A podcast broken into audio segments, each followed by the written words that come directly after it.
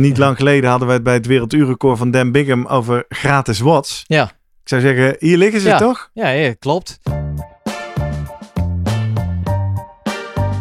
Welkom bij de Slimmer Presteren podcast. Jouw wekelijkse kop koffie met wetenschapsjournalist Jurgen van Tevelen en ik, middle-aged man in Lycra, Gerrit Heikoop.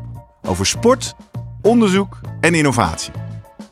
Voor mensen die hun grenzen willen verleggen, maar daarbij de grens tussen onzin en zinvol niet uit het oog willen verliezen. In deze aflevering praat ik met Jurgen over hardlopen in de slipstream van je voorganger. Zinvol of onzin? Terwijl wielrenners er alles aan doen om op de fiets uit de wind te worden gehouden, schuwen hardlopers het kopwerk tijdens een race veel minder vaak. Spelen slipstream en stroomlijn helemaal geen rol tijdens het hardlopen? Of is het juist wel slim om achter de rug van je voorganger te verschuilen? En hoeveel voordeel levert dat dan op? Voordat we beginnen, nog even drie dingen om aan te denken als jij zelf ook slimmer wil presteren. Nummer 1. Druk nu gelijk even op abonneren, zodat je altijd direct in de gaten hebt wanneer er een nieuwe aflevering online komt. Nummer 2. Weet dat je Jurgen en mij ook kunt boeken voor jouw volgende bijeenkomst als spreker of presentator. Neem gerust eens contact met ons op via de contactgegevens hieronder. En 3. Deze podcast wordt geproduceerd en gesponsord door Live Online Events. Serieus goede content rondom jouw congres of event. Check www.loe.tv voor meer info. Jurgen, goedemorgen. Hey, goedemorgen. Gerrit. Welkom, nieuwe aflevering van de Slimmer Presteren podcast. De best beluisterde podcast over hardlopen van Nederland. Jij zegt het. We hebben het over veel... Nou, nee, nee, nee. De cijfers. De cijfers Laten dat zien. Chartable, eh, daar kun je ranglijsten kijken. Categorie sport en dan hardlopen zijn we het best beluisterd. Maar ja, we hebben het over veel meer. Maar vandaag hebben we het wel echt over hardlopen. Mhm. En over een slimmigheidje, misschien wel, voor tijdens de wedstrijd. Het evenement, Ja. wat je niveau ook is. Namelijk het effect van wind. Daar hebben we het natuurlijk al vaker over gehad. En we gaan nu uitzoeken, wat is het effect van zin- wind? En heeft het inderdaad zin om eh, wat, misschien wat meer uit de wind te gaan lopen? Maar bij het begin beginnen, wa- waarom, Jurgen? Waarom hebben we het hierover vandaag? Eh, waarom? Omdat eh, enerzijds bij het wielrennen ja, heel veel aandacht is voor. Wij hebben ook een aflevering aan aerodynamica eh gewijd. eh, aflevering 60? 60. Ja, winst met wind. Ja, en het komt, nou, werelduurrecord hadden we het ook weer over.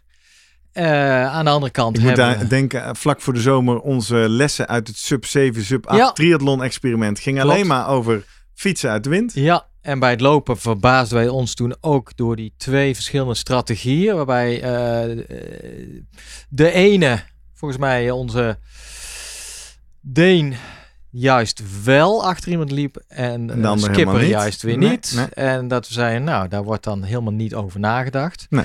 En ik, eh, laatst hebben we een EK atletiek natuurlijk gehad in München. En dan komen ook altijd wel weer vragen langs, zie ik op de social media, van ja, waar die wapperende shirts nog steeds? Eh, die, die rugnummers, borstnummers, die eh, ook niet heel eh, strak zitten.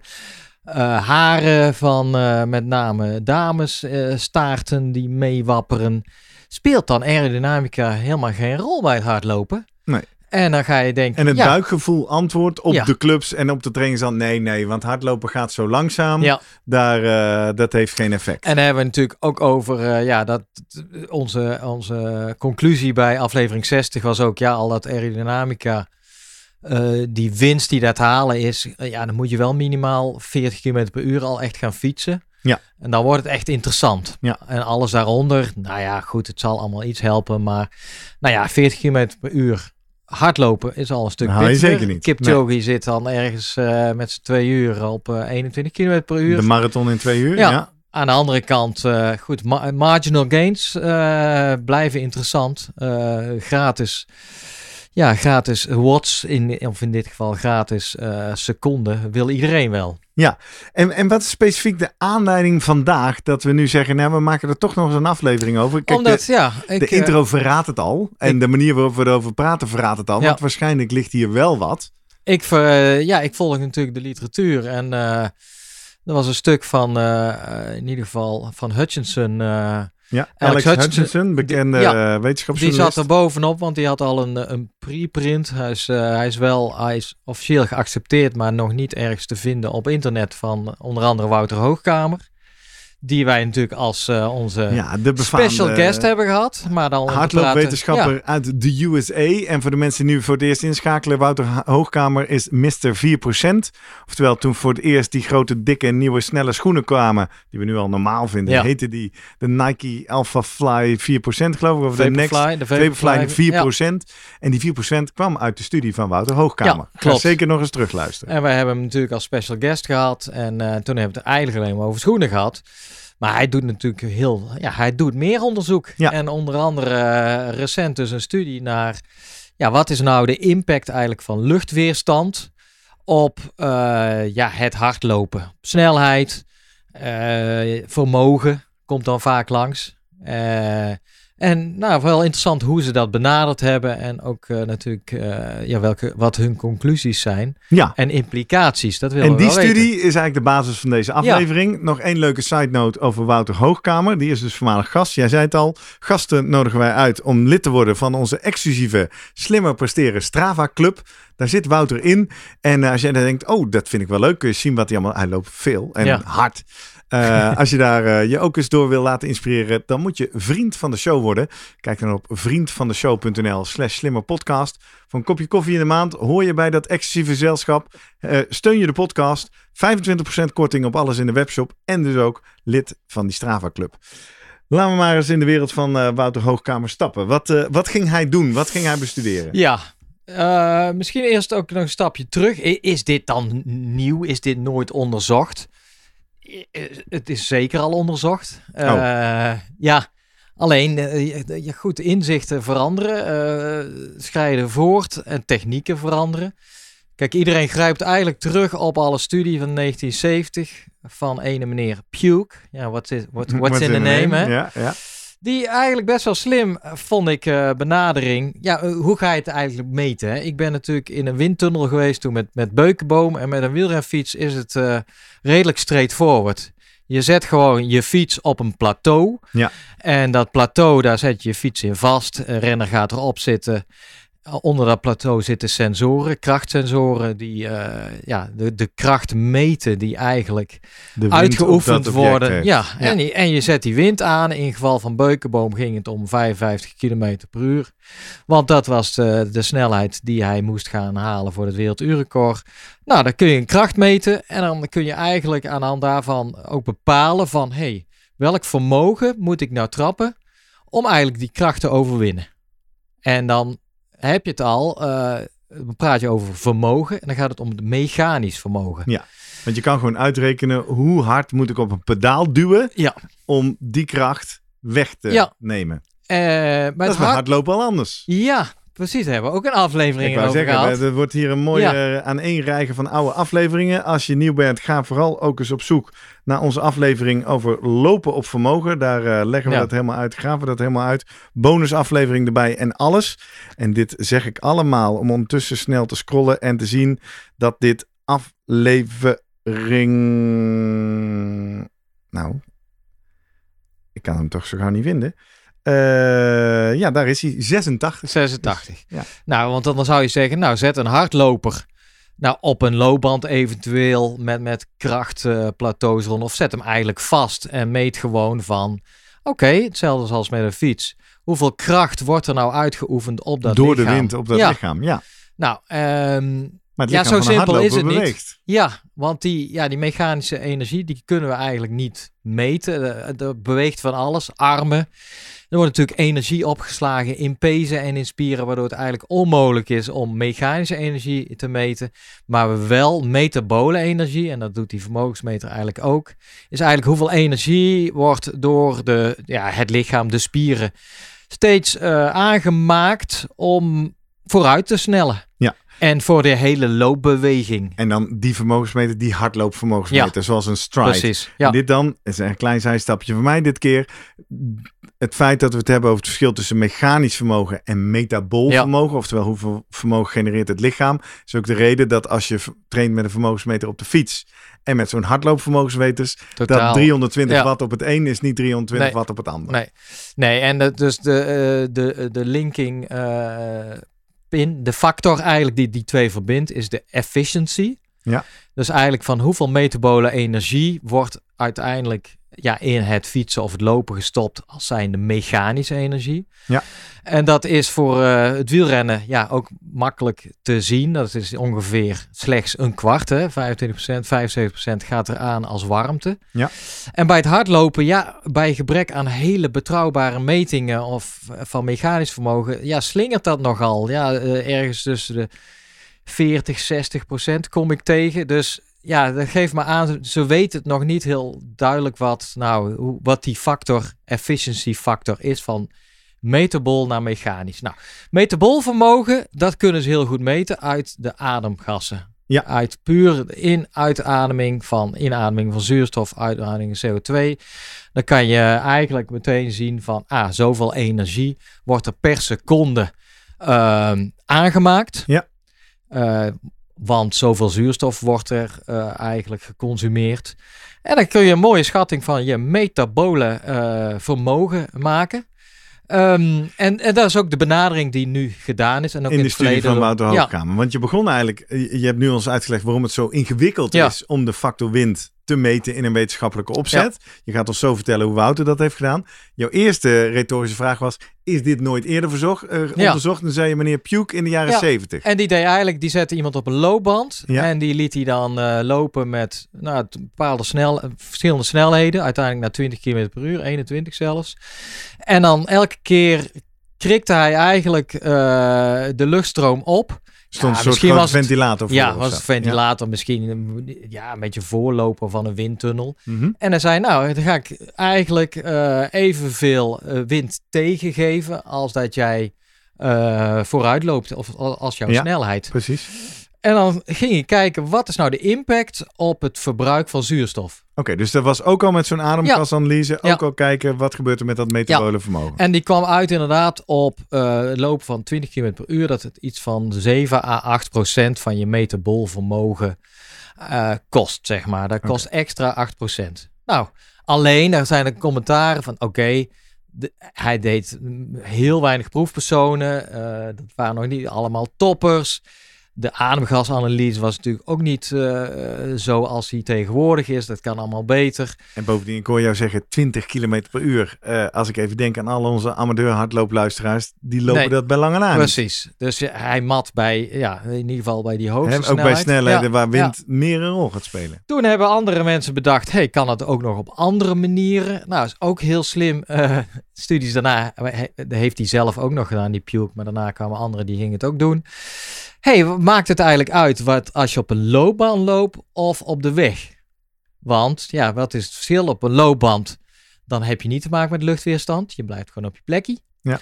En op de weg, dan ga je wel bij eh, snelheden, eh, hoe- ja, en bij toenemende snelheid ondervind jij gewoon meer eh, lucht die tegen je opbokst. Eh, dus nou, kregen mensen apparatuur om, om weer die zuurstofconsumptie te meten eh, op de loopband of op de weg. En daar, ja, daar rolde ook eh, ja, iets soortgelijks 6% verschil tussen. Afhankelijk natuurlijk ook weer een beetje van de snelheid, want hoe harder je loopt, hoe meer relatief metabol vermogen eh, dat kost. Maar deze 6 tot 8 procent die ik jou hoor zeggen, is niet de algemene volkswijsheid. Bij hardlopen doet wind er niet toe. Nee, Of was dat Dus juist die- bij deze hoge Dus dit was bekend en ook Puke liet gewoon al in zijn eerste experiment eens een keer een mannetje voor de proefpersoon lopen.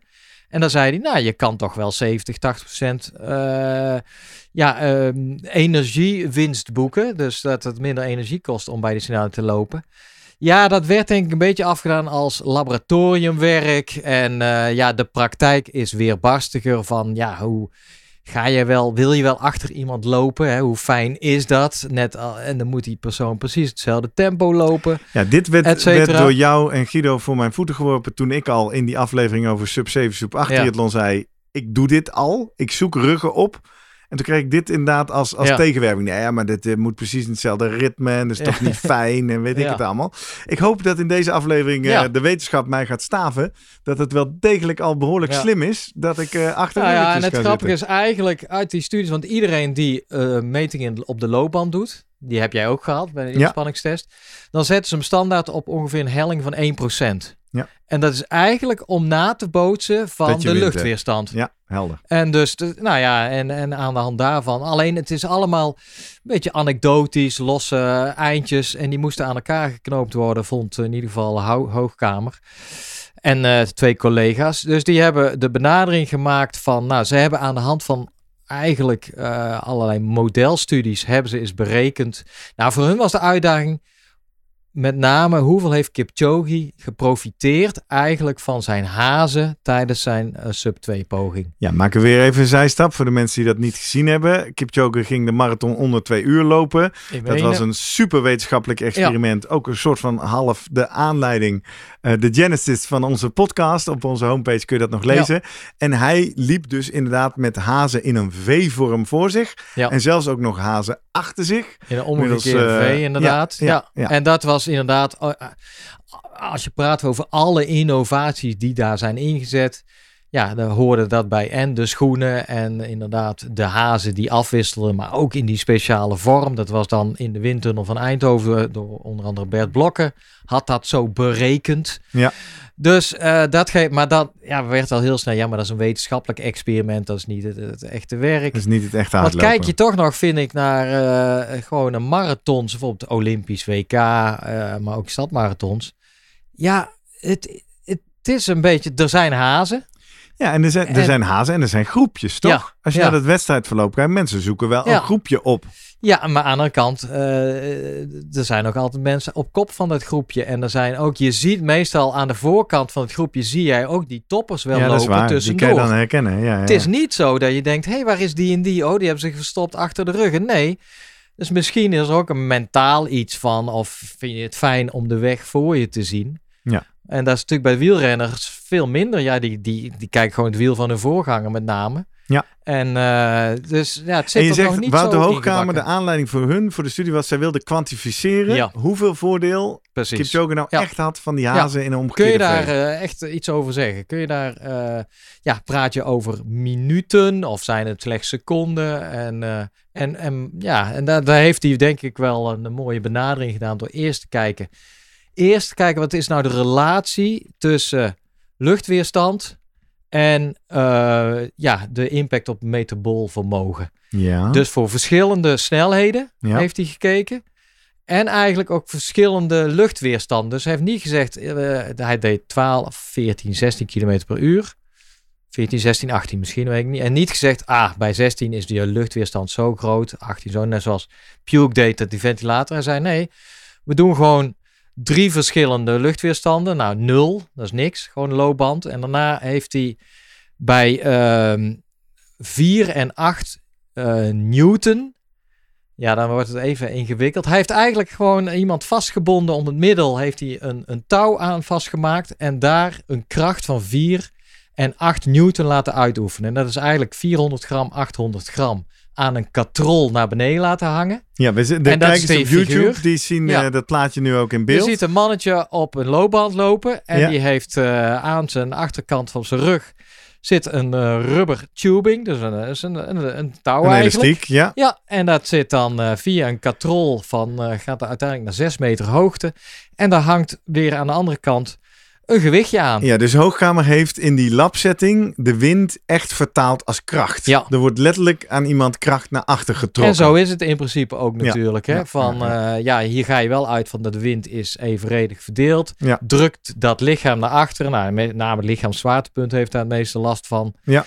Of daar, nou ja, en dan kun je op die manier, kun je netjes in ieder geval ge- eh, kwantificeren. En eh, waarom ja, 4 tot 8 newton? Dat, dat komt naar voren bij allerlei eh, modelmetingen van... Ja, maar dat kun je natuurlijk wel in een win- windtunnel testen. Iemand ja. van ongeveer, laten we zeggen, 1,80 hoog, zo breed. eh, krijgt zoveel precies. Er wordt zoveel kracht op het lichaam Ja, uitgeoefend. ja, dat kun je uitrekenen. Nou, en dan heeft hij dat dus met een echte groep eh, snelle lopers. Liepen allemaal de 10 kilometer onder de 32. Onder de 32. Ja. nou dat zijn natuurlijk die vriendjes waar ik hem uh, mee zie lopen op straat. Ja. Nou ja, dat is dus diezelfde groep die hij ook voor zijn schoenen had. Of in ieder geval dezelfde soort groep. Ja. Dus dat, dat is ook waarom uh, die Puke had gewoon die, die toppers allemaal niet.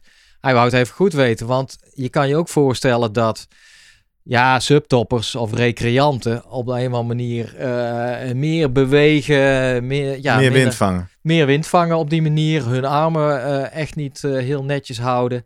Dus hij wou gewoon kijken, echt snelle lopers, die top of the bill, die, waar, waar je van uitgaan dat die weinig ja, zoveel, zo efficiënt mogelijk sowieso al lopen. En eigenlijk proberen min mogelijk wind te vangen. Dus dit zijn kleine jongens ook. Zijn ja, echte lopers. Ja, hè? Ja, bedoel, ja, en dan uitgezet dus horizontaal op de x-as. Dat is eigenlijk die kracht van 4 en 8 newton. Maar dan gecorrigeerd voor het lichaamsgewicht. Okay. van iedereen. En dan op de y-as uh, het, uh, de metabool vermogen wat daarvoor nodig was. Ja. Nou, en dan drie verschillende kleurtjes, want blauw is 12 km per uur, rood is 14 en uh, andere was...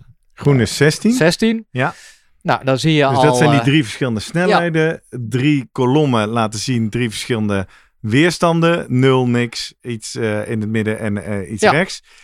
En nou moet ik zeggen, ik zit naar deze grafiek te kijken en ik denk, wat leer ik hier nou Ja. uit? Wat zie ik? Nou ja, twee dingen. Ten eerste, als jij harder gaat lopen, kost het logisch Ja, bij nul. kracht. Ja. Kost het meer eh, vermogen. ja. Dat weten we zelf ook. Je Ja, ja, dus dat is het feit dat de rode lijn is Ja. groter, hoger dan de elk- blauwe en de groene lijn. Ja. De snelste tempo kost de meeste watt. Nou, je ziet duidelijk, of eh, je ziet toch wel licht dat eh, het meer, meer metabool vermogen kost als er een gewicht aan je hangt. Als jij Ja, luchtweerstand dat is ook wat hoger. en, Slide. en alleen, ja, het is best wel flauw lijkt het. Niet zo heel veel. Nou, dan moet je naar die assen kijken. Maar het belangrijkste is dat het eigenlijk voor die snelheden allemaal de toename hetzelfde is. Ja. Dus die luchtweerstand heeft gewoon een, een vaste Factor op dat factor, lichaam. is het vaste factor. Wat logisch is. Ja. Want mijn lichaam verandert niet en het frontaal oppervlak verandert niet heel Ja. veel. Dus dat is een vaste Maar dat kracht. zijn wel dingen die eh, ja, achteraf goed logisch. om te valideren. Ja, ja, Want het kan zijn dat die mensen natuurlijk veel meer gaan bewegen bij hoge snelheden, anders gaan lopen, et cetera. Het enige wat me echt opvalt, nu ik zo met jou in detail naar dat grafiekje zit te kijken, is dat in de rechterkolom, oftewel waar de hoogste weerstand was toegepast, zien we de stipjes, en ik neem aan dat ieder stipje is een proefpersoon, Ja. veel meer spreiding. Ja. Dan lijkt het of dat ongeveer twee derde van de proefpersonen allemaal hetzelfde vertoonden. Ja. En dan zijn er vier, vijf die heel Ja. wat anders laten zien. Hoe kan dat? Ja, dat is een goeie. Hij geeft daar ook niet heel veel antwoord op. Oh, want ik denk, ik nou heb ja, hij, hij, filosofeert natuurlijk wel van, ja, want dat is eigenlijk je CDA-waarde zoals we die in het wielrennen Ja, wat, kennen. wat, wat, wat betekent die spreiding? Ja, nou ja, dat, is inderdaad de losse eh, individuele meetpunten.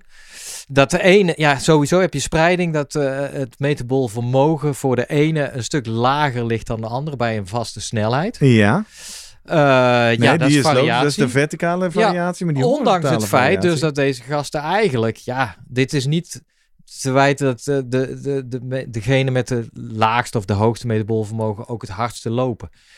Daar heeft hij ook naar gekeken. Nee, Nee, nee, nee, nee, ze zijn allemaal sub 32 Ja. en, eh, en er zullen, het zal heus niet zijn dat die spreiding verklaard kan worden dat de ene eh, 28 loopt en de andere eh, inderdaad eh, 32. Ja, nee, dat heb je te maken met biologische variatie. Ja, klaar. Dat is het. Het is En- het percentage van het lichaamsgewicht. Ja.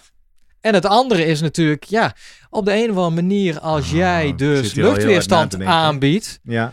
Eh, door zo'n, eh, in dit geval een touw eh, aan, aan de achterkant vastmaakt waar je een, een gewicht aan hangt, dus iemand tegenhoudt op die manier een beetje. Ja.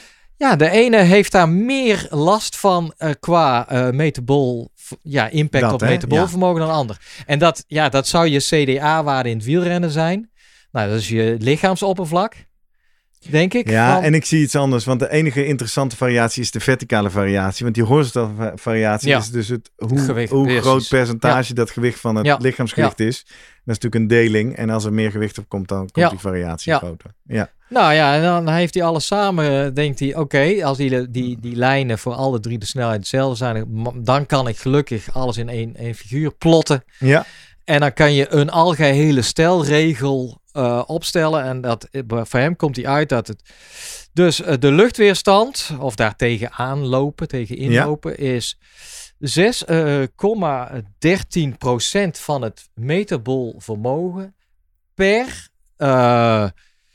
even kijken, kracht van uitgedrukt als percentage van je lichaamsgewicht. Kijk, hij wil natuurlijk. Ja, eh, want hij moet corrigeren, want meer wind is natuurlijk... Nee, ja, zegt hij dat? Dat als er, als er dus meer wind Ja. tegen is, wordt het een groter deel van je metabolisch Ja. vermogen. Ja, Ja. dat is ook logisch eigenlijk. Dus op dit, hier kun je dus eigenlijk voor iedereen gaan berekenen. Van dit is, eh, van, Bij deze windsnelheid, Ja. bij dit gewicht, ga jij zoveel lasten van Ja. hebben. Precies. En alleen En dat ligt dus gemiddeld. ja, op rondom- 6,13 per eh, procent van, je, van het lichaamsgewicht, zeg maar. Maar ja, dan moet je dat Doet procent... mij denken aan die 7, 8 procent waar Puke al 40 jaar Ja. geleden mee kwam. Ja, want dat procent lichaamsgewicht, nogmaals, is niet zo simpel van, joh, je deelt het dan door je lichaam. Nee, dat is puur eigenlijk de kracht Ten opzichte van, hè? Ja, Ja. en eh, nou ja, eh, dat klopt. Eh, maar ja, je zult zeggen, ja, maar die Puke, ja, nee, dat klopt. Dus dat, die had inderdaad 8% of 7,8. Dit is misschien... maar dit, nogmaals, ik vind het, het is netjes uitgevoerd, omdat hij eigenlijk nu een, een vaste eh, regel eh, laat zien. Oké, dit kan je eigenlijk loslaten op elke loper. Ja. En dat is natuurlijk voor ons ook heel interessant. Ja, want dan kun je het vertalen naar recreanten, naar Ja. Kipchoge, naar toppers. En dat heeft hij dan ook gedaan. Ja. En, dat wat komt daar dan eh, uit? Ja, nou heeft hij eerst toch naar Kipchoge gekeken. Bij een vaste Hier, snelheid eh, natuurlijk. eh, lieve luisteraars, moet ik zeggen, zijn jullie net zoveel in het voor of nadeel als onze kijkers op YouTube. Want er staat nu een tabel in beeld die met geen mogelijkheid te lezen is. Zo Ah, eh, jammer. klein zijn de cijfers. Dus we gaan even eh, elkaar daardoor heen Ja. praten. We ook- zien een aantal lopers waar die mee is gaan ja, rekenen. eerst Kipchoge en dan de snelheid die hij liep tijdens het, eh, weer zijn, zijn record sub 2. Ja, dat Nou. is, eh, zijn de bovenste zes regels. En dan gaat hij vanuit, nou dat is de snelheid die hij haalt. En dan heeft hij verschillende eh, formaties bekeken. Ja, een formatie waarin er drie lopers voor hem lopen. Eentje waarin er één voor hem, drie achter hem. Eentje waarin een hele eh pijl eigenlijk voor Ja. hem loopt en hij daarachter. Een recht lijntje met eentje voor en achter hem. En de befaamde omgekeerde V. En hij heeft voor de vorm ook nog even uitgerekend wat het zou gebeuren als hij in een vacuüm, Vacuüm. zou lopen. Wat als je nou perfect uit de wind kan worden gehouden en helemaal geen last hebt van die luchtweerstand, laten we die volgen. Ja. Want dan zie jij van, dan word je 100% eh, uit de wind gehouden, geeft hij aan. Ja. Wat levert dat dan op of voor metabol vermogen? Laat hij dan zien, dat die daling van je percentage. Ja, dat is 8,5 procent. Ja. En hij, ja, dus hij, nou ja, dus als jij precies weet welke snelheid iemand loopt, dan kan je dit loslaten op die formule. En dan weet jij ook van eh, hoeveel metabol vermogen normaal extra erbij komt. Nou, wat als je 100% dat kan vermijden, nou dan haal je dat eraf. En dan heeft hij dat losgelaten op hoeveel winst dat oplevert op de marathon. Ja. En dat is het laatste getalletje. Dat is 6,5 minuut Ja, in een vacuüm. In een dus vacuüm. oftewel, dat is wat er maximaal te winnen is Ja. met wind in, bij de snelheid van Kipchoge. Ja. Maar gelukkig, die regels daaronder gaat ja dat met ook wind, andere met in ieder geval eh, Ja. ja. eh, uit de wind worden gehouden. Of, Ja. ja. ja. Ja. En dan eh, zie je nou dat eh, de formatie die Bert Blokker had eh, bedacht, dat die inderdaad ook wel heel veel oplevert. Ja, dat Nou, is die omgekeerde ja. V. Dit levert het meest op. 5,5 minuut, zegt hij. En dat is dus ook deels gebaseerd, deels op deze formule, maar da- daarna allerlei studies gedaan. Die hebben gekeken hoe beweegt de wind zich eigenlijk Door zo'n formatie ja, heen. precies. En Ja, dat heeft ja, hij ja. allemaal gecombineerd in deze tabel. En dan zie je op die manier eigenlijk van eh, welke formaties hoeveel winst eh, opleveren voor Kipchoge. Ja. Nou, dat is ergens Maar Kipchoge de- is een bijzonder, bijzonder Ja. uniek mens in de wereld. Wat ik leuk vind in deze studie is dat ik op de onderste drie regels ook een vertaling zie naar Ja. onze belevingswereld. Daar rekent hij namelijk uit wat zou er gebeuren bij iemand met een drie uur, een vier uur of een vijf uur marathon. Ja. Als die in de formatie, en dat is niet de allergunstigste formatie, nee, dat is zelfs de minst Ja. gunstige formatie. Maar dat is wel, namelijk eh, ja, wel dat de je- meest logische Ja, namelijk mij. dat je achter iemand loopt en nog iemand links en rechts voor je. Ja. Dan eh, rekenen ze uit dat dat ongeveer al 57% eh, draft reduction, oftewel minder wind tegen, oplevert. Ja. En als je, nou laten we eens die vier uur marathon pakken. Dat zijn natuurlijk een hoop mensen die dat doen. Die zeggen dan dat je dat zo'n 1,2% eh, metabol vermogen eh, scheelt. En dat is toch drie minuten op Ja. je eindtijd. En dat maakt dus, het grappige is dus voor een drie uur en een vier uur en een vijf uur. Maakt niet uit. nee.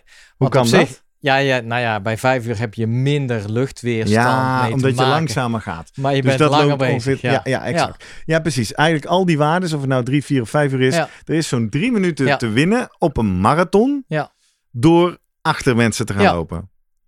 Ja, ik heb het eh, niet lang geleden hadden we het bij het werelduurrecord van Dan Bigham over gratis watts. Ja. Ik zou zeggen, hier liggen ze Ja. toch? Ja, ja, klopt. Nou, er zijn wel wat dingen aan op te merken. Dat vreesde ik al. En dan is ten eerste, eh, ja, hoe vaak lukt het om jouw perfecte groep te vinden en dan mooi in de midden ach, van, Daar heb van ik wel een een tip rijtje voor, maar dan moeten we misschien zo met Guido even bespreken, want dat is meer racetactiek. Eh, waar eh, eh, eh, Hoogkamer het ook over heeft, is van uit de wind worden gehouden kan prettig zijn voor eh, minder luchtweerstand, maar niet zo fijn bij warme temperaturen. Koeling, koeling, ben je ook kwijt. Dus ja. dat, eh, ja, eh, Oei, oei. Dus dan zou je dan de volgende studie moeten gaan kijken hoeveel eh F-metabil vermogen levert het mij op als ik goed Ja. gekoeld word door de wind. Ja. Want er zit dan een soort optimum En in. ja, misschien de frustratie af en toe dat je iemand aantikt voor. Of dat je ja, continu met die schoenen voor je aan het kijken bent. Terwijl je helemaal niet meer aan het... Ja, je hebt geen blik meer op de weg voor je, noem maar op. Alleen maar focus op dat. Doen, hoe wiel- doen wielrenners toch ook? Ja, hoe fijn loopt het? Ja, maar lopen zijn misschien anders. Eh, dus het mentale aspect van dat je het helemaal niet fijn vindt en niet gewend bent om. En dat moeten we maar eens aan Guido Ja, vragen van, Eh, ga je dit, ga je laten, dit we, laten trainen? we hier maar eens even met onze topcoach over doorsparren. Ja. Over hoe weet je dit nou? Want ik ben wel met je eens wat je eerder al zei. Ook die kritiek op Puke. Kan je hier ook zeggen, dit is wel een beetje laboratoriumwerk. Ja. Hè?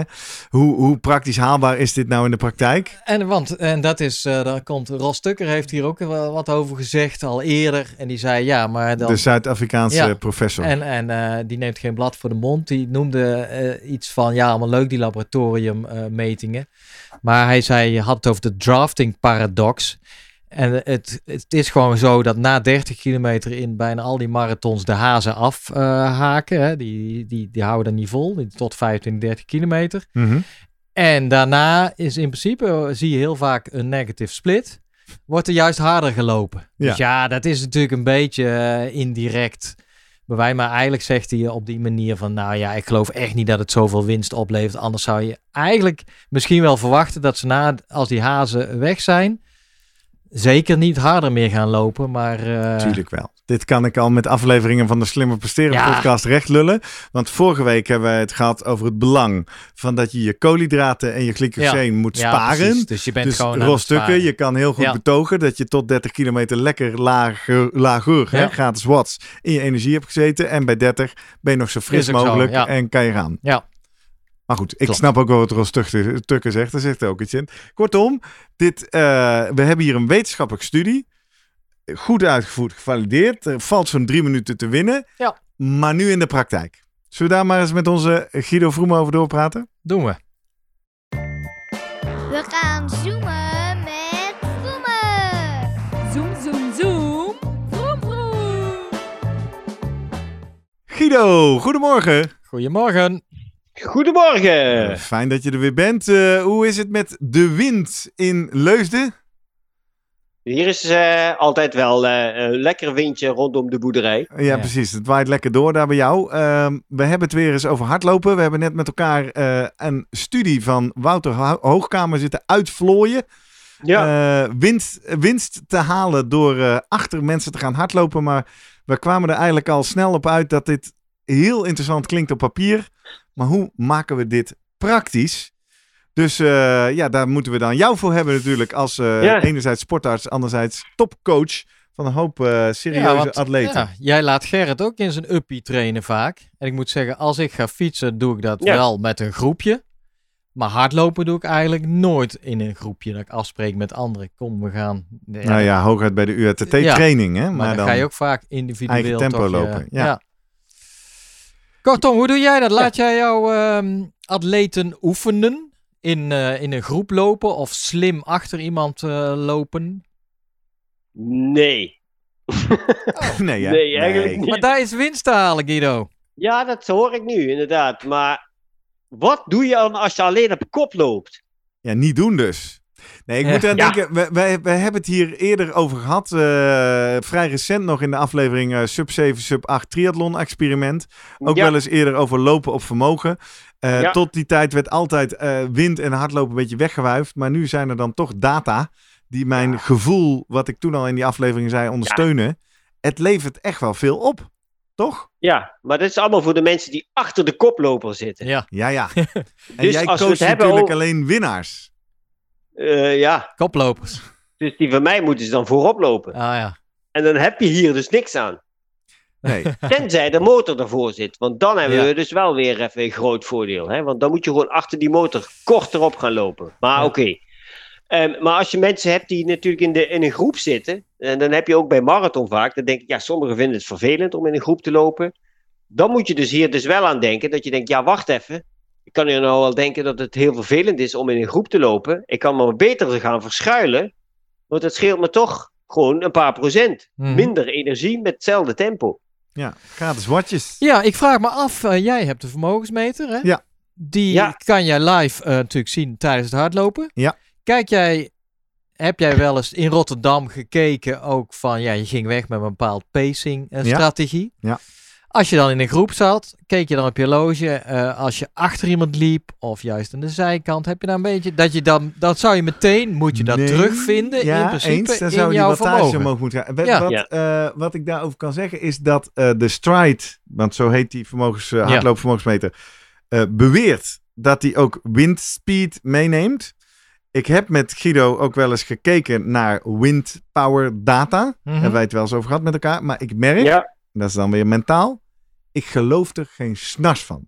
Ik, ik geloof gewoon niet dat dat kleine ding op mijn, hè, die 2 euro munt op mijn fetus, Ja. oké. een adequate inschatting kan maken van hoeveel wind ik Ja, tegenkom. maar daar, daar Nee, zit een dat- kanaaltje in, hè? Ja, toch? Dat Ja. is een sensor. Er zal een eh. zandkorrel ja. in zitten. En ik heb er natuurlijk ondertussen ja, een stuk of 15 mensen die, eh, die zo'n ding hebben. Ja. En dan wonen er, ze wonen over het hele land dan verspreid. En in Zeeland waait het vaak veel harder dan eh, eh, eh, hier bij jou op de Utrechtse Heuvelrug in Leersum tussen de bomen. Ja. En daar zie je dan toch als ze een bepaalde rondjes rennen. En je ziet het rondje uitgetekend met, met de route. En je weet het, ah, maar het was zuidwestenwind.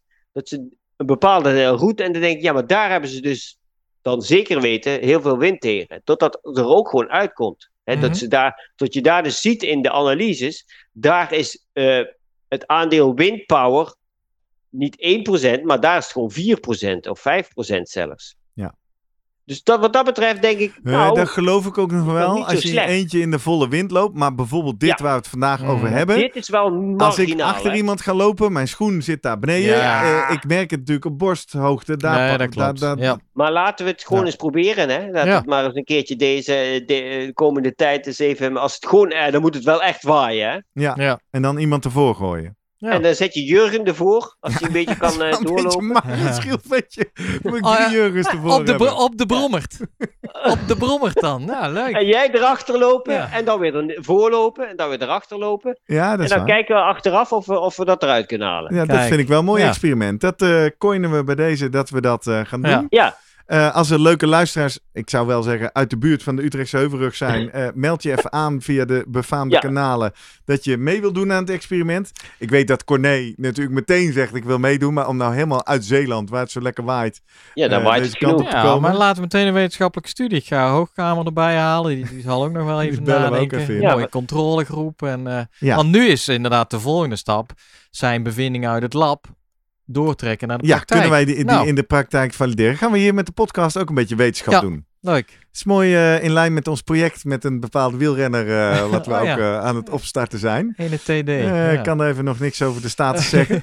Ehm, Maar je kunt dit wel, natuurlijk wel gebruiken als je eh, eh, met, met een aantal hè, triatleten die op het laatste moeten lopen. En die, die zitten in een, eh, nou ja, in een groepje van 2, 3, 4, 5.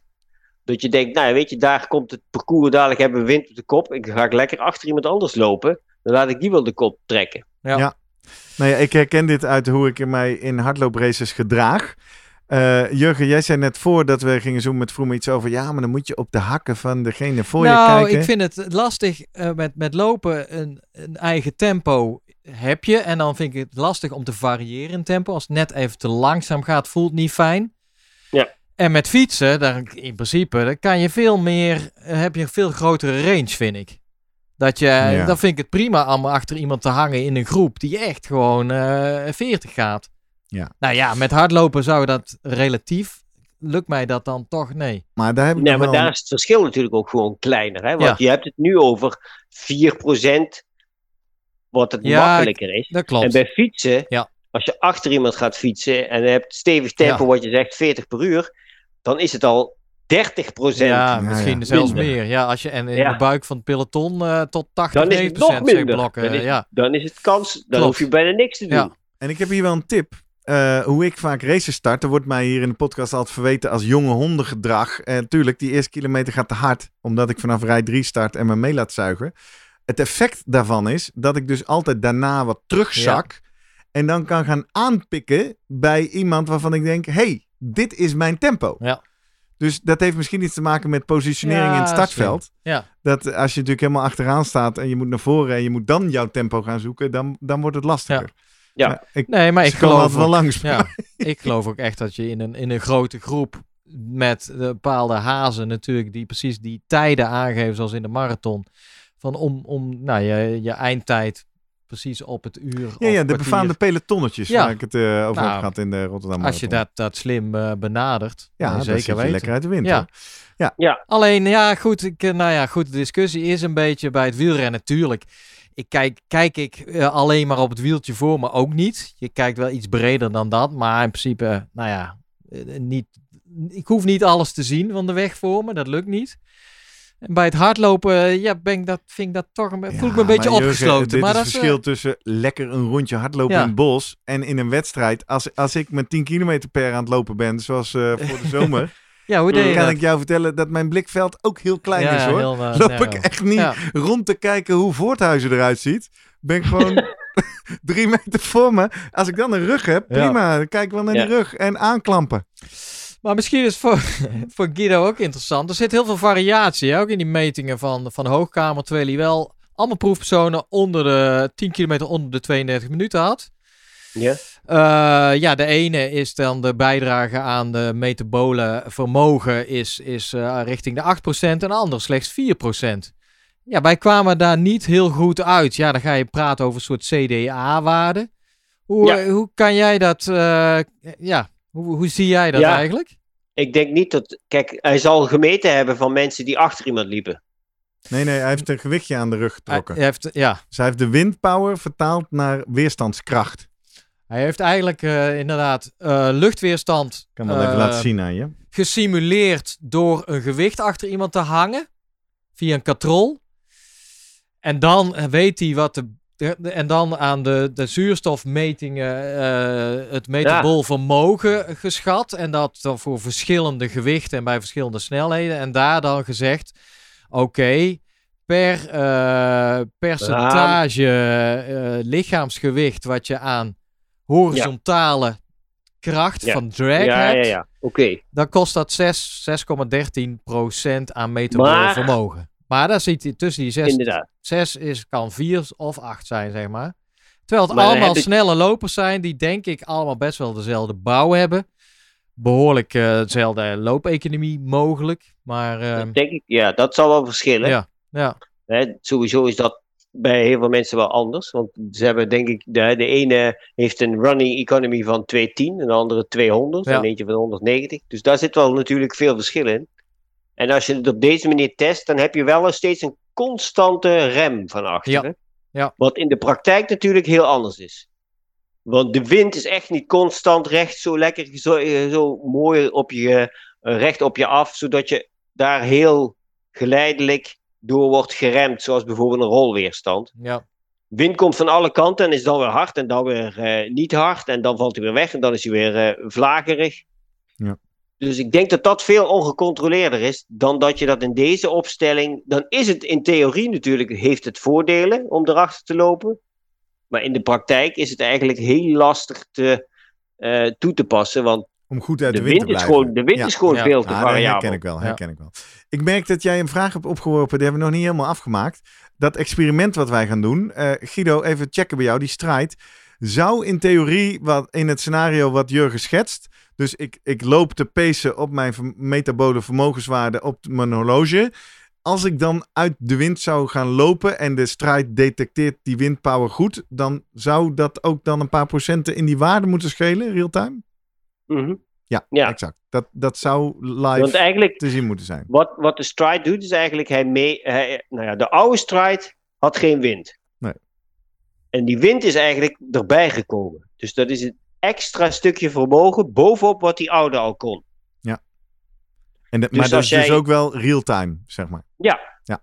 Ja. Ja, dus dan zie je ook als je ineens wind tegenkrijgt, dat je denkt, god, er komt er ineens wat extra vermogen bij wat ik lever.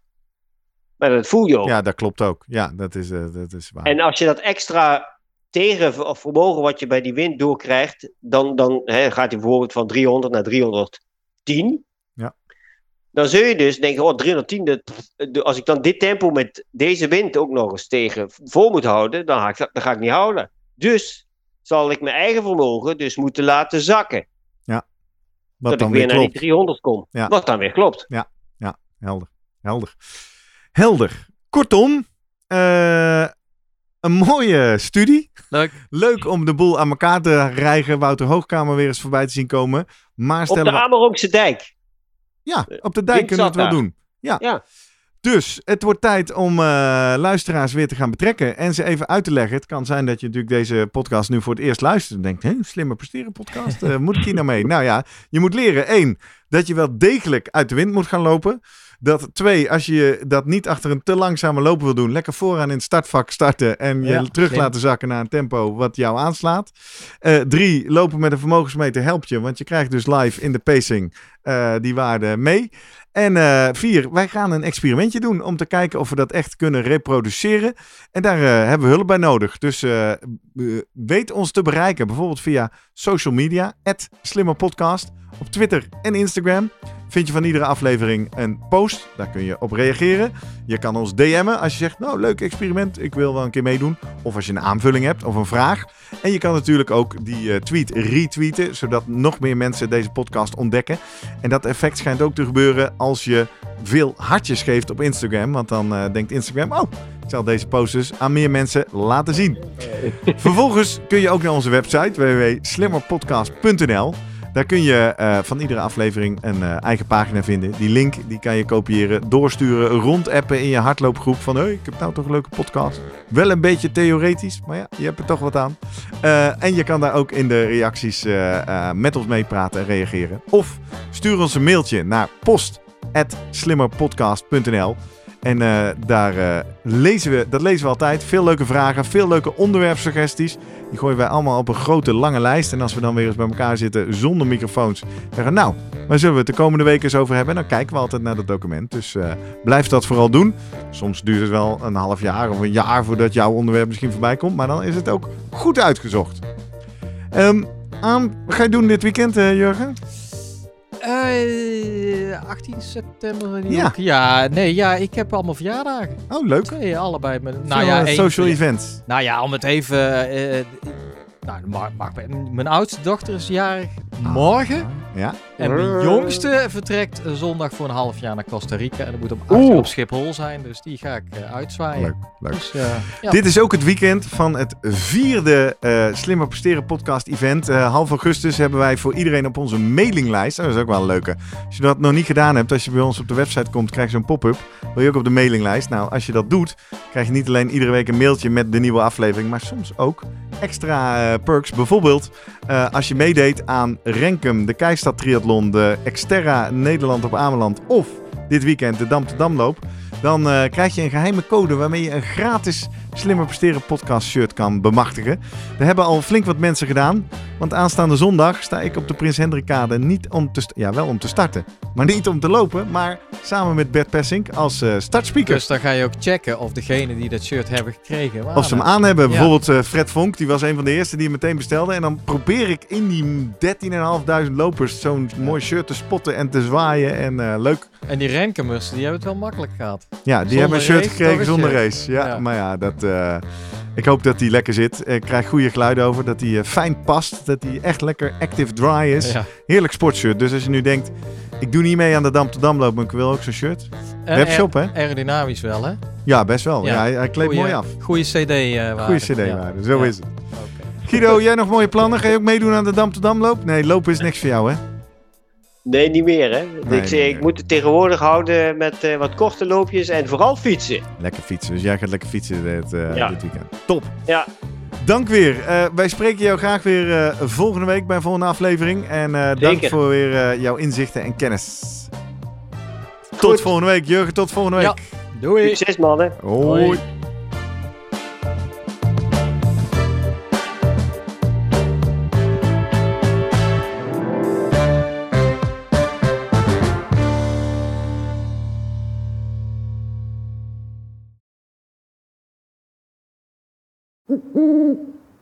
Hey, pst. Voordat je weggaat, denk er nog even aan. uilentorenloop.nl. Dan zien we je de eerste zaterdag van juni. Tot dan!